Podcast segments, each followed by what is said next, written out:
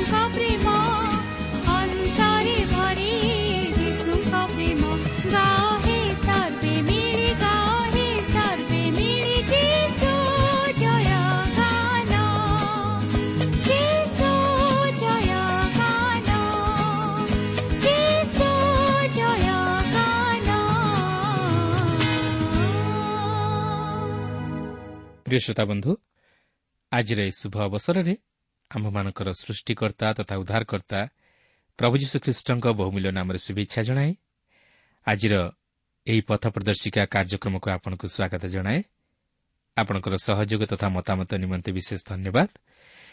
ଆପଣ ଏହି କାର୍ଯ୍ୟକ୍ରମର ଜଣେ ନିୟମିତ ଶ୍ରୋତା ଜାଣିବା ବିଶେଷ ଖୁସି। ପ୍ରଭୁଙ୍କ ନାମକୁ ଧନ୍ୟବାଦ ଦେଉ। ଆପଣଙ୍କର ପତ୍ର ମଧ୍ୟ ଆମର ହସ୍ତଗତ ହୋଇଅଛି।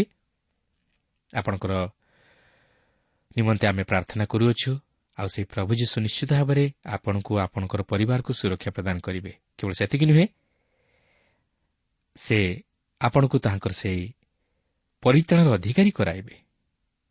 ତେଣୁ ଆସୁ ସେହି ସରଳ ବିଶ୍ୱାସରେ ଆମେ ପ୍ରଭୁଙ୍କର ନିକଟବର୍ତ୍ତୀ ହେବା ସଙ୍ଗେ ସଙ୍ଗେ ତାଙ୍କର ବାକ୍ୟ ମଧ୍ୟରୁ କିଛି ଶିକ୍ଷା ଗ୍ରହଣ କରି ତଦନୁଯାୟୀ ଜୀବନଯାପନ କରିବା ନିମନ୍ତେ ଚେଷ୍ଟା କରୁ। ତେବେ ପ୍ରଭୁଙ୍କର ବାକ୍ୟ ମଧ୍ୟକୁ ଯିବା ପୂର୍ବରୁ ଆସନ୍ତୁ ସଂକ୍ଷେପରେ ପ୍ରାର୍ଥନା କରିବା।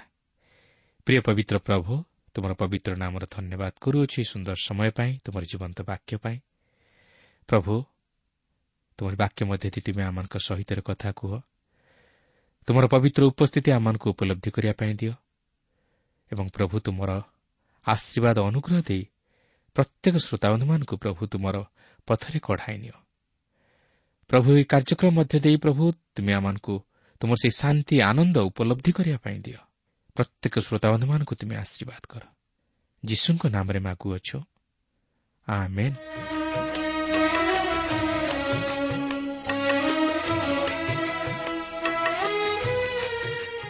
ଆସନ୍ତୁ ବର୍ତ୍ତମାନ ଆମେ ପ୍ରଭୁଙ୍କର ବାକ୍ୟ ମଧ୍ୟକୁ ଯିବା। ଆଜି ଆମେ ନୂତନ ନିୟମର ରୋମିଓ ମଣ୍ଡଳୀ ନିକଟକୁ ପ୍ରେରିତ ପାଉଲଙ୍କର ପତ୍ରର ପ୍ରଥମ ପର୍ବର ପ୍ରଥମ ପଦରୁ ସାତ ପଦ ପର୍ଯ୍ୟନ୍ତ ଅଧ୍ୟୟନ କରିବା ନିମନ୍ତେ ଯିବା। ମୋର ଅନୁରୋଧ ଆପଣ ଏହି କାର୍ଯ୍ୟକ୍ରମ ଆରମ୍ଭରୁ ଶେଷ ପର୍ଯ୍ୟନ୍ତ ମନୋଯୋଗର ସହିତ ଶୁଣନ୍ତୁ ତାହେଲେ ପବିତ୍ର ବାଇବଲ ମଧ୍ୟରୁ ଅନେକ ନିଗୁଢ଼ ବିଷୟମାନ ଆପଣ ବୁଝିବା ନିମନ୍ତେ ସମର୍ଥ ହୋଇପାରିବେ। ତେବେ ଏହି ଯେଉଁ ରୋମିଓ ପୁସ୍ତକଟିକୁ ଆମେ ଅଧ୍ୟୟନ କରିବା ପାଇଁ ଯାଉଅଛୁ ଏହା ଅତି ଗୁରୁତ୍ୱପୂର୍ଣ୍ଣ ପୁସ୍ତକ। ଏହି ପୁସ୍ତକରେ ଆମେ ଈଶ୍ୱରଙ୍କର ଧାର୍ମିକତା ବିଷୟ ନେଇ ଲକ୍ଷ୍ୟ କରିବାକୁ ଯିବା ଯାହାକି ମନୁଷ୍ୟ ନିଜର ଧର୍ମକର୍ମ ନେଇ ସାଧନ କରିପାରିବ ନାହିଁ। ମାତ୍ର ପ୍ରଭୁ ଯୀଶୁ ଖ୍ରୀଷ୍ଟଙ୍କଠାରେ ବିଶ୍ୱାସ କରିବା ଦ୍ୱାରା ଧାର୍ମିକ ବୋଲି ଗଣିତ ହୋଇପାରିବ।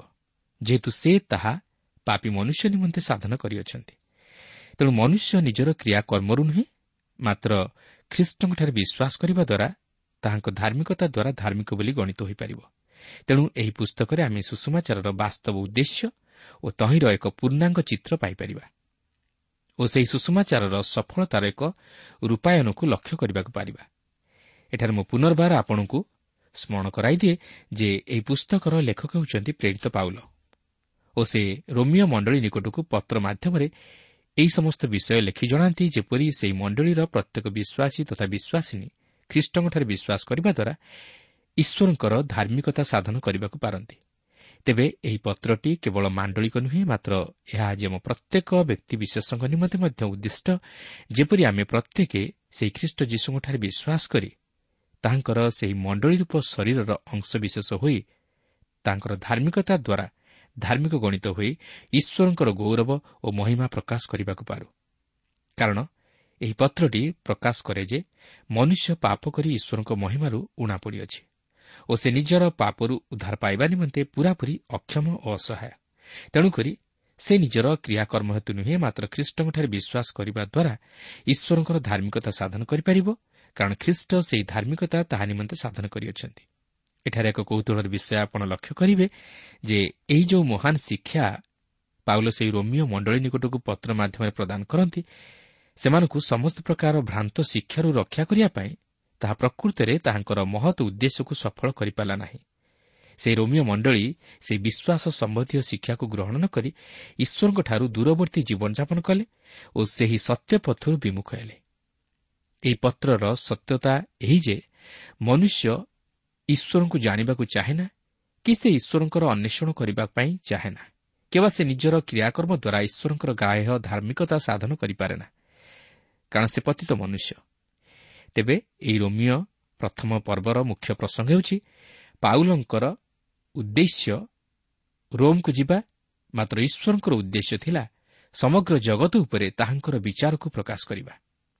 ଦେଖନ୍ତୁ ପ୍ରେରିତ ପ୍ରଥମ ପର୍ବର ପ୍ରଥମ ଦୁଇ ପଦରେ ଏହିପରି ଲେଖା ଅଛି ପାଉଲ ଖ୍ରୀଷ୍ଟ ଯୀଶୁଙ୍କ ଦାସ ଓ ଆହୁତ ଜଣେ ପ୍ରେରିତ ପୁଣି ଈଶ୍ୱର ଆପଣା ପୁତ୍ର ଆମମାନଙ୍କ ପ୍ରଭୁ ଯୀଶୁଖ୍ରୀଷ୍ଟଙ୍କ ସମ୍ବନ୍ଧରେ ନିଜର ଯେଉଁ ସୁଷମାଚାର ଧର୍ମଶାସ୍ତ୍ରରେ ଆପଣା ଭାବାଦୀମାନଙ୍କ ଦ୍ୱାରା ପୂର୍ବରେ ପ୍ରତିଜ୍ଞା କରିଥିଲେ ସେହି ସୁଷମାଚାର ନିମନ୍ତେ ପୃଥକୀକୃତ। ସେ ରୋମ୍ରେ ଥିବା ଈଶ୍ୱରଙ୍କ ପ୍ରିୟ ଓ ଆହୁତ ସମସ୍ତ ସାଧୁଙ୍କ ନିକଟକୁ ପତ୍ର ଲେଖୁଅଛି। ଏହି ପାଉଲ ନାମଟି ଲାଟିନ୍ ଶବ୍ଦ ପୌଲୁସ୍ରୁ ଆସିଅଛି ଯାହାର ଅର୍ଥ ହେଉଛି କ୍ଷୁଦ୍ର ବା ଛୋଟ।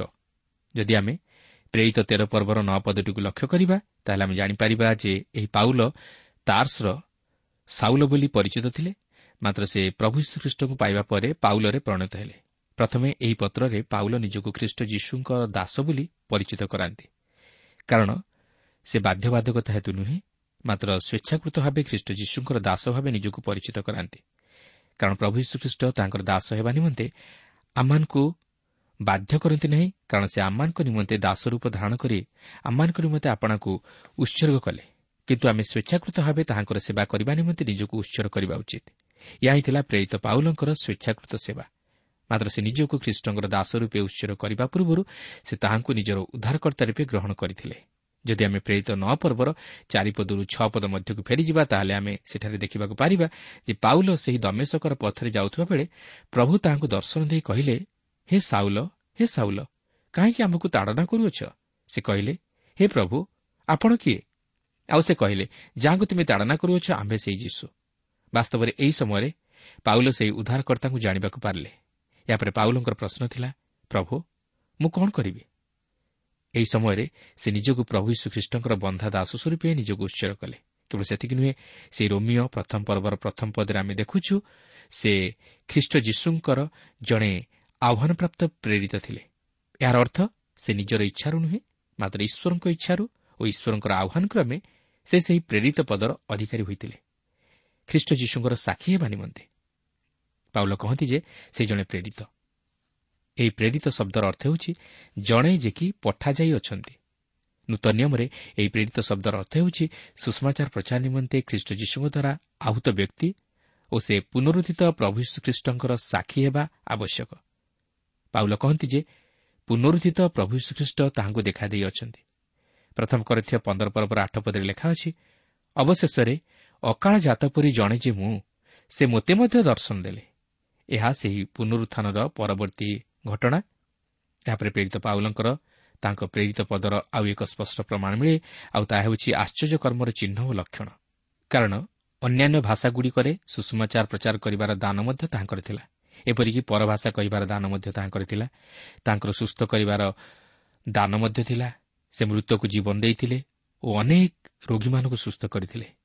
କାରଣ ସେ ପ୍ରେରିତ ଥିଲେ। ସେ ପ୍ରଭୁ ଯୀଶୁ ଖ୍ରୀଷ୍ଟଙ୍କୁ ଉଦ୍ଧାରକର୍ତ୍ତା ରୂପେ ଗ୍ରହଣ କରିଥିଲେ ଓ ପୁନରୁଦ୍ଧିତ ପ୍ରଭୁ ଯୀଶୁଖ୍ରୀଷ୍ଟଙ୍କୁ ଦର୍ଶନ କରିଥିଲେ। ସେ ବିଭିନ୍ନ ଭାଷାରେ ପ୍ରଚାର କରିବାର ଦାନ ପାଇଥିଲେ ଓ ସେ ସୁସ୍ଥ କରିବାର ଦାନ ଓ ମୃତକୁ ଜୀବନଦାନ କରିବାର ଦାନ ପ୍ରାପ୍ତ ହୋଇଥିଲେ। ଏହା ହିଁ ଥିଲା ତାହାଙ୍କ ପ୍ରେରିତ ପଦର ସୁସ୍ପଷ୍ଟ ପ୍ରମାଣ। ଏହାପରେ ଆମେ ଏହି ପ୍ରଥମ ପର୍ବର ପ୍ରଥମ ପଦରେ ଦେଖୁଛୁ ଯେ ସେ ସୁଷମାଚାର ନିମନ୍ତେ ପୃଥକୀକୃତ ହୋଇଥିଲେ ଅର୍ଥାତ୍ ସେ ଖ୍ରୀଷ୍ଟଙ୍କ ନିମନ୍ତେ ନିଜକୁ ପୃଥକ କରିଥିଲେ। ଖ୍ରୀଷ୍ଟଙ୍କ ସୁଷମାଚାର ପ୍ରଚାର ନିମନ୍ତେ ନିଜକୁ ନିୟୋଜିତ କରିଥିଲେ କାରଣ ସେ ତାହା କରିବା ନିମନ୍ତେ ଈଶ୍ୱରଙ୍କ ଦ୍ୱାରା ଆହୁତ ହୋଇଥିଲେ। ବର୍ତ୍ତମାନ ଲକ୍ଷ୍ୟ କରନ୍ତୁ ପାଉଲ କହନ୍ତି ଯେ ସେ ଈଶ୍ୱରଙ୍କ ସୁଷମାଚାର ନିମନ୍ତେ ପୃଥକୀକୃତ। ଅନ୍ୟ ଅର୍ଥରେ କହିବାକୁ ଗଲେ ମନୁଷ୍ୟ ସୁଷମାଚାର ସୃଷ୍ଟି କରିନାହିଁ ମାତ୍ର ଏହା ହେଉଛି ଈଶ୍ୱରଙ୍କର ସୁଷମାଚାର। ଆମେ ଏହାକୁ ଗ୍ରହଣ କରିପାରୁ ବା ଅଗ୍ରାହ୍ୟ କରିପାରୁ। ମାତ୍ର ଏହି ସୁଷମାଚାର ଈଶ୍ୱରଙ୍କ ଦ୍ୱାରା ସାଧିତ ହୋଇଅଛି। ଏହି ସୁଷମାଚାର ପୁରା ନୂତନ ନୁହେଁ। ଏହି ସୁଷମାଚାର ପୁରାତନ ନିୟମରେ ସମସ୍ତ ଭାଓବାଦୀମାନଙ୍କ ମୁଖ ଦେଇ ପ୍ରତିଜ୍ଞା ଆକାରରେ ପ୍ରଦାନ କରାଯାଇଥିଲା। ଏହା ସେହି ସୁସମ୍ବାଦ ଯେ ଈଶ୍ୱର ପ୍ରତ୍ୟେକ ମନୁଷ୍ୟ ଜାତିକୁ ପ୍ରେମ କରନ୍ତି ଓ ସେ ପ୍ରତ୍ୟେକଙ୍କ ନିମନ୍ତେ ଏକ ଉଦ୍ଧାରର ପଥ ପ୍ରସ୍ତୁତ କରିଅଛନ୍ତି। ଏହା ଆମମାନଙ୍କୁ ସେହି ପ୍ରେମର ସହଭାଗିତା ତଥା ସମ୍ପର୍କ ମଧ୍ୟକୁ ଟାଣି ଆଣେ। କାରଣ ଈଶ୍ୱର ଆମମାନଙ୍କୁ ପ୍ରେମ କରି ଆମମାନଙ୍କ ନିମନ୍ତେ ସେହି ଉଦ୍ଧାରର ପଥ ପ୍ରସ୍ତୁତ କଲେ ଓ ସେହି ପ୍ରଭୁ ଯୀଶୁ ଖ୍ରୀଷ୍ଟଙ୍କ ମଧ୍ୟ ଦେଇ ତାହାଙ୍କର ଅସୀମ ପ୍ରେମ ପ୍ରକାଶ କଲେ।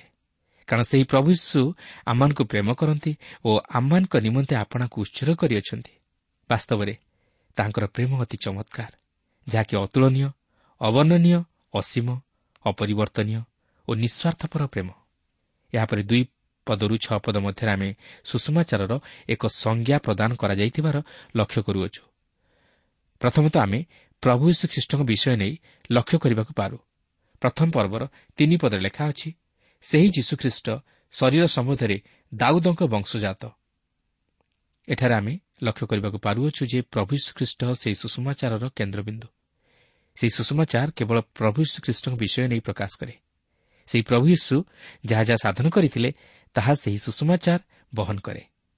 ସେ ଯଦିଓ ଏହି ଜଗତରେ ମାନବ ରୂପରେ ଜନ୍ମଗ୍ରହଣ କଲେ ମାତ୍ର ସେ ଈଶ୍ୱରଙ୍କର ପୁତ୍ର ଥିଲେ। ଶାରୀରିକ ଭାବେ ଦେଖିବାକୁ ଗଲେ ଯଦିଓ ସେ ଦାଉଦଙ୍କ ବଂଶଜାତ ମାତ୍ର ଆତ୍ମିକ ଭାବେ ସେ ଈଶ୍ୱରଙ୍କ ପୁତ୍ର ରୂପେ ପରିଚିତ ହେଲେ। ସେ ଈଶ୍ୱରଙ୍କ ପୁତ୍ର ଓ ସେ ମଧ୍ୟ ଆମମାନଙ୍କର ପ୍ରଭୁ ଯୀଶୁଖ୍ରୀଷ୍ଟ। ଏଠାରେ ତାହାଙ୍କର ଆମେ ବାସ୍ତବ ମାନବତ୍ୱ ଓ ଈଶ୍ୱରତ୍ୱକୁ ଲକ୍ଷ୍ୟ କରିବାକୁ ପାରୁ। ଦେଖନ୍ତୁ ରୋମିଓ ପ୍ରଥମ ପର୍ବର ଚାରିପଦରେ ଲେଖା ଅଛି କିନ୍ତୁ ଧର୍ମମୟ ଆତ୍ମା ସମ୍ବନ୍ଧରେ ମୃତମାନଙ୍କ ମଧ୍ୟରୁ ପୁନରୁତ୍ଥାନ ଦ୍ୱାରା ଈଶ୍ୱରଙ୍କ ପୁତ୍ର ବୋଲି ଶକ୍ତି ସହ ନିର୍ଦ୍ଦିଷ୍ଟ ହେଲେ। ଆପଣ ଦେଖନ୍ତୁ ପୁନରୁତ୍ଥାନ ତାହାଙ୍କୁ ଈଶ୍ୱରଙ୍କ ପୁତ୍ର ରୂପେ ପରିଗଣିତ କରାଏ ନାହିଁ। ମାତ୍ର ଏହା ତାହାଙ୍କୁ କିଏ ବୋଲି ପ୍ରକାଶ କରେ? ଅର୍ଥାତ୍ ତାହାଙ୍କର ଈଶ୍ୱରତ୍ୱକୁ ପ୍ରମାଣିତ କରେ। ଏଠାରେ ଯେଉଁ ନିର୍ଦ୍ଦିଷ୍ଟ ହେଲେ ବୋଲି ଉଲ୍ଲେଖ ହୋଇଅଛି ଏହାର ମୂଳ ଶବ୍ଦ ଗ୍ରୀକ୍ରେ ହେଉଛି ହୋରିଜୋ ଯାହାକି ଆମେ ପୂର୍ବରୁ ଦେଖିଅଛୁ। ଏହାର ଅର୍ଥ ହେଉଛି ପ୍ରଭୁ ଯୀଶୁ ଈଶ୍ୱରଙ୍କ ପୁତ୍ର ହିସାବରେ ଘୋଷିତ ହୋଇଥିଲେ ଓ ନିର୍ଦ୍ଦିଷ୍ଟ ହୋଇଥିଲେ। ପ୍ରଭୁ ଯୀଶୁ ଖ୍ରୀଷ୍ଟ ଯେ ପ୍ରକୃତିରେ ଜଣେ ମାନବ ଥିଲେ ଓ ଈଶ୍ୱର ଥିଲେ ତାହା ଏଥିରୁ ସୁସ୍ପଷ୍ଟ ଅନୁମିତ ହୁଏ। ଏଠାରେ ଲେଖା ଅଛି କିନ୍ତୁ ଧର୍ମମୟ ଆତ୍ମା ସମ୍ବନ୍ଧରେ ଈଶ୍ୱରଙ୍କ ପୁତ୍ର ବୋଲି ନିର୍ଦ୍ଦିଷ୍ଟ ହେଲେ। ତେବେ ଯଦିଓ ଏହା ପ୍ରଭୁ ଶ୍ରୀଖ୍ରୀଷ୍ଟଙ୍କର ମାନବୀୟ ଆତ୍ମାକୁ ଉପସ୍ଥାପିତ କରେ ମାତ୍ର ଏହା ପ୍ରକୃତିରେ ସେହି ପବିତ୍ର ଆତ୍ମାଙ୍କୁ ପ୍ରକାଶ କରେ। କାରଣ ପ୍ରଭୁ ଶ୍ରୀଖ୍ରୀଷ୍ଟ ପବିତ୍ର ଆତ୍ମାଙ୍କ କର୍ତ୍ତୃକ ଜନ୍ମଗ୍ରହଣ କରିଥିଲେ ଓ ସେ ପବିତ୍ର ଆତ୍ମାଙ୍କ ଶକ୍ତିରେ ପରିପୂର୍ଣ୍ଣ ହୋଇ ପରିଚାଳିତ ହୋଇଥିଲେ। ତେଣୁ ମୁଁ ବିଶ୍ୱାସ କରେ ଯେ ଆମେ ଏଠାରେ ସେହି ତ୍ରିବିଧ ଈଶ୍ୱରଙ୍କର ପରିଚୟ ପାଉଅଛୁ। ସେହି ପ୍ରଭୁ ଯୀଶୁଖ୍ରୀଷ୍ଟ ବାସ୍ତବ ମାନବ ଥିଲେ ବାସ୍ତବ ଈଶ୍ୱର ଥିଲେ ଓ ଧର୍ମମୟ ଆତ୍ମା ତାହାଙ୍କ ଉପରେ ସଦାସର୍ବଦା ଅଧିଷ୍ଠାନ କରୁଥିଲେ। ତେଣୁ ସେହି ପିତା ପୁତ୍ର ଓ ପବିତ୍ର ଆତ୍ମାଙ୍କର ସମଷ୍ଟିକୁ ଆମେ ଲକ୍ଷ୍ୟ କରିବାକୁ ପାରୁଅଛୁ। ପ୍ରକୃତିରେ ପ୍ରଭୁ ଯୀଶୁ ଖ୍ରୀଷ୍ଟଙ୍କର ମୃତ୍ୟୁରୁ ପୁନରୁତ୍ଥାନ ତାହାଙ୍କର ବାସ୍ତବ ମାନବତ୍ୱ ଓ ଈଶ୍ୱରତ୍ୱକୁ ପ୍ରକାଶ କରେ। ସେ ଯେ ବାସ୍ତବରେ ଈଶ୍ୱରଙ୍କ ପୁତ୍ର ତାହା ତାଙ୍କର ପୁନରୁତ୍ଥାନ ଦ୍ୱାରା ହିଁ ପ୍ରମାଣିତ ହେଲା। ତାହାଙ୍କର ମୃତ୍ୟୁରୁ ପୁନରୁତ୍ଥାନ ତାଙ୍କର ସମସ୍ତ ବିଷୟକୁ ପ୍ରମାଣିତ କରେ। ସେ ଯଦିଓ ଜଣେ ମାନବ ରୂପରେ ଜଣେ ସାଧାରଣ ମଣିଷ ପରି ସମସ୍ତ ପ୍ରକାର ଦୁଃଖ ସମସ୍ୟା ଓ ଶାରୀରିକ କ୍ଲେଶ ମଧ୍ୟ ଦେଇ ଗମନ କଲେ ମାତ୍ର ତାହାଙ୍କର ମୃତ୍ୟୁରୁ ପୁନରୁତ୍ଥାନ ଏହି ସମସ୍ତ ଘଟଣା ମଧ୍ୟ ଦେଇ ତାହାଙ୍କୁ କେବଳ ମାନବ ରୂପରେ ନୁହେଁ ମାତ୍ର ଈଶ୍ୱରଙ୍କ ପୁତ୍ର ହିସାବରେ ଉପସ୍ଥାପିତ କରେ। ତାହାଙ୍କର ପୁନରୁତ୍ଥାନ ତାହାଙ୍କର ବାକ୍ୟର ସତ୍ୟତାକୁ ପ୍ରମାଣିତ କରେ। ଯେତେବେଳେ ସେ କହନ୍ତି ତୁମ୍ଭେମାନେ ଅଧସ୍ଥାନରୁ ଉତ୍ପନ୍ନ ମୁଁ ଉର୍ଦ୍ଧ୍ୱସ୍ଥାନରୁ ଉତ୍ପନ୍ନ। ତୁମେମାନେ ଜଗତରୁ ଉତ୍ପନ୍ନ ମୁଁ ଏହି ଜଗତରୁ ଉତ୍ପନ୍ନ ନୁହେଁ। ତାହାଙ୍କର ପୁନରୁତ୍ଥାନ ତାହାଙ୍କର କୁମାରୀ ଗର୍ଭରୁ ଜନ୍ମଗ୍ରହଣ କରିବାର ବିଷୟକୁ ପ୍ରମାଣିତ କରେ। ସେ ହେଉଛନ୍ତି ଶକ୍ତିମନ୍ତ ଈଶ୍ୱରଙ୍କ ପୁତ୍ର। କେବଳ ସେତିକି ନୁହେଁ ସେ ଯେ ବର୍ତ୍ତମାନ ଈଶ୍ୱରଙ୍କ ଦକ୍ଷିଣ ପାର୍ଶ୍ୱରେ ଉପବେଶନ କରି ଆମମାନଙ୍କ ନିମନ୍ତେ ପିତା ଈଶ୍ୱରଙ୍କ ଛାମୁରେ ନିତ୍ୟ ନିବେଦନ କରନ୍ତି ଓ ଜୀବିତ ଅଟନ୍ତି ତାହା ମଧ୍ୟ ପ୍ରମାଣିତ କରେ। ଓ ଏଥିସହିତ ସେ ଯେ ପୁନର୍ବାର ଏହି ଜଗତକୁ ଦ୍ୱିତୀୟ ଆଗମନ କରୁଅଛନ୍ତି ଏହି ଜଗତର ବିଚାର କରିବା ପାଇଁ ତାହା ମଧ୍ୟ ପ୍ରମାଣିତ କରେ। ସେ ପାପକୁ ତଥା ଅଧାର୍ମିକତାର ବିଷୟସବୁକୁ ଲୋପ କରି ଧାର୍ମିକତାର ସହିତ ଏହି ଜଗତ ଉପରେ ରାଜତ୍ୱ କରିବେ। କାରଣ ପ୍ରେରିତ ସତର ପର୍ବର ଅଣତିରିଶରୁ ଏକତିରିଶ ପଦରେ ଏହିପରି ଲେଖା ଅଛି ତେବେ ଆମ୍ଭେମାନେ ଈଶ୍ୱରଙ୍କର ବଂଶ ହେବାରୁ ଈଶ୍ୱରଙ୍କ ସ୍ୱରୂପକୁ ମନୁଷ୍ୟର ଶିଳ୍ପ ଓ କଳ୍ପନା ଅନୁସାରେ ଖୋଦିତ ସ୍ୱର୍ଣ୍ଣ କି ରୌପ୍ୟ କି ପ୍ରସ୍ତର ତୁଲ୍ୟ ଜ୍ଞାନ କରିବା ଆମମାନଙ୍କର ଉଚିତ ନୁହେଁ। ଈଶ୍ୱର ସେହି ଅଜ୍ଞାନତାର କାଳ ଉପେକ୍ଷା କରିଅଛନ୍ତି ସତ୍ୟ କିନ୍ତୁ ଏବେ ସେ ସର୍ବତ୍ର ସମସ୍ତ ମନୁଷ୍ୟଙ୍କୁ ମନ ପରିବର୍ତ୍ତନ କରିବା ନିମନ୍ତେ ଜଣାନ୍ତି। କାରଣ ଯେଉଁଦିନ ସେ ଆପଣା ନିରୂପିତ ବ୍ୟକ୍ତିଙ୍କ ଦ୍ୱାରା ଧାର୍ମିକତାରେ ଜଗତର ବିଚାର କରିବେ ଏହିପରି ଗୋଟିଏ ଦିନ ସ୍ଥିର କରିଅଛନ୍ତି ଆଉ ତାହାଙ୍କୁ ମୃତମାନଙ୍କ ମଧ୍ୟରୁ ଉତ୍ଥାପନ କରି ଏ ବିଷୟରେ ସମସ୍ତଙ୍କ ନିକଟରେ ପ୍ରମାଣ ଦେଇଅଛନ୍ତି। ଏହା ମଧ୍ୟ ଅତି ସତ୍ୟ ଯେ ପ୍ରଭୁ ଯୀଶୁଖ୍ରୀଷ୍ଟ ମୃତ୍ୟୁରୁ ପୁନରୁଦ୍ଧିତ ହୋଇଥିବାରୁ ଆମ ସମସ୍ତଙ୍କୁ ଦିନେ ନା ଦିନେ ତାହାଙ୍କ ସମ୍ମୁଖରେ ଛିଡ଼ା ହେବାକୁ ହେବ। ତାହେଲେ ଜଣେ ଯେପରି ତାହାଙ୍କୁ ଆପଣାର ଉଦ୍ଧାରକର୍ତ୍ତା ରୂପେ ବିଶ୍ୱାସର ସହିତ ଗ୍ରହଣ କରି ତାହାଙ୍କ ସମ୍ମୁଖରେ ଛିଡ଼ା ହୁଏ ସେହିପରି ଆପଣ ଛିଡ଼ା ହେବେ? ନା ଜଣେ ଯେପରି ବିଚାରିତ ହେବା ନିମନ୍ତେ ତାହାଙ୍କ ସମ୍ମୁଖରେ ଛିଡ଼ା ହୁଏ ସେହିପରି ଛିଡ଼ା ହେବେ। ଯଦି ଆପଣ ତାହାଙ୍କୁ ନିଜର ଉଦ୍ଧାରକର୍ତ୍ତା ରୂପେ ଗ୍ରହଣ କରିନାହାନ୍ତି ତାହେଲେ ଆପଣଙ୍କ ପ୍ରତି ଈଶ୍ୱରଙ୍କର ବିଚାର ବର୍ତ୍ତିବାକୁ ଯାଉଅଛି। ଆପଣ ନିଜର ଧାର୍ମିକତା ନେଇ କେବେ ହେଲେ ତାହାଙ୍କ ଛାମୁରେ ଛିଡ଼ା ହୋଇପାରିବେ ନାହିଁ। ଆପଣଙ୍କୁ ସେହି ପ୍ରଭୁ ଶ୍ରୀକୃଷ୍ଣଙ୍କଠାରେ ବିଶ୍ୱାସ କରିବାକୁ ହେବ ଓ ତାହାଙ୍କ ମଧ୍ୟ ଦେଇ ପିତା ଈଶ୍ୱରଙ୍କର ନିକଟବର୍ତ୍ତୀ ହେବାକୁ ହେବ। ଏହା ନିଶ୍ଚିତ। କାରଣ ପ୍ରଭୁ ଶ୍ରୀଖ୍ରୀଷ୍ଟଙ୍କର ପୁନରୁତ୍ଥାନ ହିଁ ତାହା ସ୍ପଷ୍ଟ ପ୍ରମାଣିତ କରାଇଦିଏ। ତେଣୁକରି ଏଥି ନିମନ୍ତେ ଆମେ ନିଜ ନିଜକୁ ସତର୍କ କରୁ। ଓ ଖ୍ରୀଷ୍ଟଙ୍କଠାରେ ବିଶ୍ୱାସ କରି ତାହାଙ୍କ ମାଧ୍ୟମରେ ପିତା ଈଶ୍ୱରଙ୍କ ଦୃଷ୍ଟିରେ ଧାର୍ମିକ ବୋଲି ଗଣିତ ହେବା ପାଇଁ ଚେଷ୍ଟା କରୁ। କାରଣ ଆମେ ପ୍ରତ୍ୟେକ ସେହି ଖ୍ରୀଷ୍ଟଙ୍କ ସମ୍ମୁଖରେ ଛିଡ଼ା ହେବାକୁ ଯାଉଅଛୁ। ଏହାପରେ ପ୍ରଥମ ପର୍ବର ପାଞ୍ଚ ଓ ଛଅ ପଦରେ ଲେଖା ଅଛି ଆଉ ଯେଉଁ ବିଜାତିମାନଙ୍କ ମଧ୍ୟରେ ତୁମ୍ଭେମାନେ ଯୀଶୁଖ୍ରୀଷ୍ଟଙ୍କର ଆହ୍ୱାନ ପ୍ରାପ୍ତ ହୋଇଅଛ ତାହାଙ୍କ ନାମର ଗୌରବ ନିମନ୍ତେ ସେହି ବିଜାତି ସମସ୍ତେ ଯେପରି ବିଶ୍ୱାସ କରି ଆଜ୍ଞାକାରୀ ହୁଅନ୍ତି ଏଥିନିମନ୍ତେ ଆମ୍ଭେମାନେ ତାହାଙ୍କଠାରୁ ଅନୁଗ୍ରହ ଓ ପ୍ରେରିତ ପଦ ପାଇଅଛୁ। ଏଠାରେ ଆମେ ଅନୁଗ୍ରହ ଓ ପ୍ରେରିତ ଏହି ଦୁଇଟି ଶବ୍ଦ ବ୍ୟବହାର କରାଯାଇଥିବାର ଲକ୍ଷ୍ୟ କରୁଅଛୁ। ଅନୁଗ୍ରହ ହେଉଛି ଈଶ୍ୱରଙ୍କର ପରିତ୍ରାଣର ଧାରା ବା ପ୍ରଣାଳୀ। କାରଣ ଆମମାନେ ନିଜର ଧର୍ମକର୍ମ ନେଇ ନୁହେଁ ମାତ୍ର ଈଶ୍ୱରଙ୍କର ଅସୀମ ଅନୁଗ୍ରହରୁ ପରିତ୍ରାଣ ପ୍ରାପ୍ତ ହୋଇଅଛୁ। ଯଦି ଈଶ୍ୱର ଆମମାନଙ୍କ ପ୍ରତି ତାହାଙ୍କର ଅନୁଗ୍ରହ ପ୍ରକାଶ କରିନଥାନ୍ତେ ତାହେଲେ ଆମମାନେ କେବେ ହେଲେ ପରିତ୍ରାଣ ପ୍ରାପ୍ତ ହୋଇପାରିନଥାନ୍ତୁ। ଦ୍ୱିତୀୟରେ ସେହି ପ୍ରେରିତ ପଦ ଯଦିଓ ପାଉଲ ଓ ଅନ୍ୟାନ୍ୟ ଶିଷ୍ୟମାନଙ୍କ ପ୍ରତି ପ୍ରଦତ୍ତ ହୋଇଥିଲା ମାତ୍ର ଏହା ମଧ୍ୟ ପ୍ରତ୍ୟେକ ଖ୍ରୀଷ୍ଟ ବିଶ୍ୱାସୀମାନଙ୍କ ନିମନ୍ତେ ଉଦ୍ଦିଷ୍ଟ। କାରଣ ପ୍ରେରିତ ପଦର ଅର୍ଥ ହେଉଛି ଜଣେ ଯେ ପଠାଯାଇଅଛି। ତେଣୁ ସେହି କାରଣରୁ ପ୍ରତ୍ୟେକ ଖ୍ରୀଷ୍ଟ ବିଶ୍ୱାସୀ ସେହି ସୁସମାଚାର ବହନ କରନ୍ତି ଓ ସେମାନେ ପ୍ରତ୍ୟେକ ଖ୍ରୀଷ୍ଟଙ୍କ ନିମନ୍ତେ ସାକ୍ଷୀ ହେବା ଉଚିତ। ତେବେ ଆଜି ଆପଣ ଖ୍ରୀଷ୍ଟ ବିଶ୍ୱାସ ହିସାବରେ କ'ଣ କରୁଅଛନ୍ତି? ଆପଣ କ'ଣ ସେହି ସୁସମ୍ବାଦକୁ ଅନ୍ୟମାନଙ୍କ ନିକଟରେ ପହଞ୍ଚାଇ ପାରିଛନ୍ତି? କିନ୍ତୁ ଏହା ପ୍ରତ୍ୟେକ ଖ୍ରୀଷ୍ଟ ବିଶ୍ୱାସୀମାନଙ୍କର କାର୍ଯ୍ୟ ଯେଉଁମାନେ କି ସେହି ଅନୁଗ୍ରହ ଓ ପ୍ରେରିତ ପଦର ଅଧିକାରୀ ହୋଇପାରିଛନ୍ତି। କିନ୍ତୁ ଏହି ସୁସମାଚାର ପ୍ରଚାର କରିବାର ଅଭିପ୍ରାୟ କ'ଣ? ଯେପରି ଖ୍ରୀଷ୍ଟଙ୍କ ନାମର ଗୌରବ ନିମନ୍ତେ ବିଜାତି ସମସ୍ତେ ବିଶ୍ୱାସ କରି ଆଜ୍ଞାକାରୀ ହୁଅନ୍ତି। ଏଠାରେ ଆମେ ବିଶ୍ୱାସ ଓ ବାଧ୍ୟତାର ବିଷୟ ଲକ୍ଷ୍ୟ କରୁଅଛୁ ଯାହାକି ଏହି ରୋମିଓ ପୁସ୍ତକର ମୁଖ୍ୟ ପ୍ରସଙ୍ଗ। ଏହା ବାଧ୍ୟତା ଓ ବିଶ୍ୱାସରେ ଆରମ୍ଭ ହୁଏ ଓ ସେହି ବାଧ୍ୟତା ବିଶ୍ୱାସରେ ହିଁ ସମାପ୍ତ ହୁଏ। ଏହି ଅଂଶରେ ପ୍ରେରିତ ପାଉଲ ସେହି ରୋମିଓ ଖ୍ରୀଷ୍ଟ ବିଶ୍ୱାସୀମାନଙ୍କୁ କହନ୍ତି ଯେ ତୁମେମାନେ ଯୀଶୁଖ୍ରୀଷ୍ଟଙ୍କର ଆହ୍ୱାନ ପ୍ରାପ୍ତ ସେମାନେ ଖ୍ରୀଷ୍ଟଙ୍କ ଦ୍ୱାରା ଆହୁତ ଓ ମନୋନୀତ। ଯେହେତୁ ସେମାନେ ଖ୍ରୀଷ୍ଟଙ୍କର ବାକ୍ୟ ଶୁଣିଛନ୍ତି ଓ ତାହାକୁ ଗ୍ରହଣ କରିଅଛନ୍ତି। ସେମାନେ ଖ୍ରୀଷ୍ଟଙ୍କର ମେଷ। ସେଥିପାଇଁ ପ୍ରଭୁ ଯୀଶୁ କହନ୍ତି ମୋହର ମେଷମାନେ ମୋହର ସ୍ୱର ଶୁଣନ୍ତି ଓ ମୁଁ ସେମାନଙ୍କୁ ଜାଣେ। ଯଦି ଆପଣ ଏପର୍ଯ୍ୟନ୍ତ ତାହାଙ୍କର ସ୍ୱର ଶୁଣି ତାହାଙ୍କର ପଛରେ ଅନୁଗମନ କରିନାହାନ୍ତି ତାହେଲେ ଆପଣ ତାହାଙ୍କର ମନୋନୀତ ହୋଇନାହାନ୍ତି। ଯଦି ଆପଣ ତାହାଙ୍କର ସ୍ୱର ଶୁଣି ତାହାଙ୍କର ପଛରେ ଅନୁଗମନ କରୁଅଛନ୍ତି ତାହେଲେ ଆପଣ ତାହାଙ୍କର ମନୋନୀତ ଓ ଆହ୍ୱାନପ୍ରାପ୍ତ ହୋଇଅଛନ୍ତି। ତେବେ ଏହି ରୋମିଓ ପ୍ରଥମ ପର୍ବର ପ୍ରଥମ ଛଅ ପଦ ମଧ୍ୟରେ ଆମେ ଏହି ରୋମିଓ ମଣ୍ଡଳୀ ନିକଟକୁ ପ୍ରେରିତ ପାଉଲଙ୍କର ପତ୍ରର ପୃଷ୍ଠଭୂମିକୁ ଲକ୍ଷ୍ୟ କରିବାକୁ ପାରୁଅଛୁ ଯାହା ଉପରେ ଏହି ସମ୍ପୂର୍ଣ୍ଣ ପ୍ରେରିତ ପୁସ୍ତକର ବିଷୟବସ୍ତୁ ଆଧାରିତ।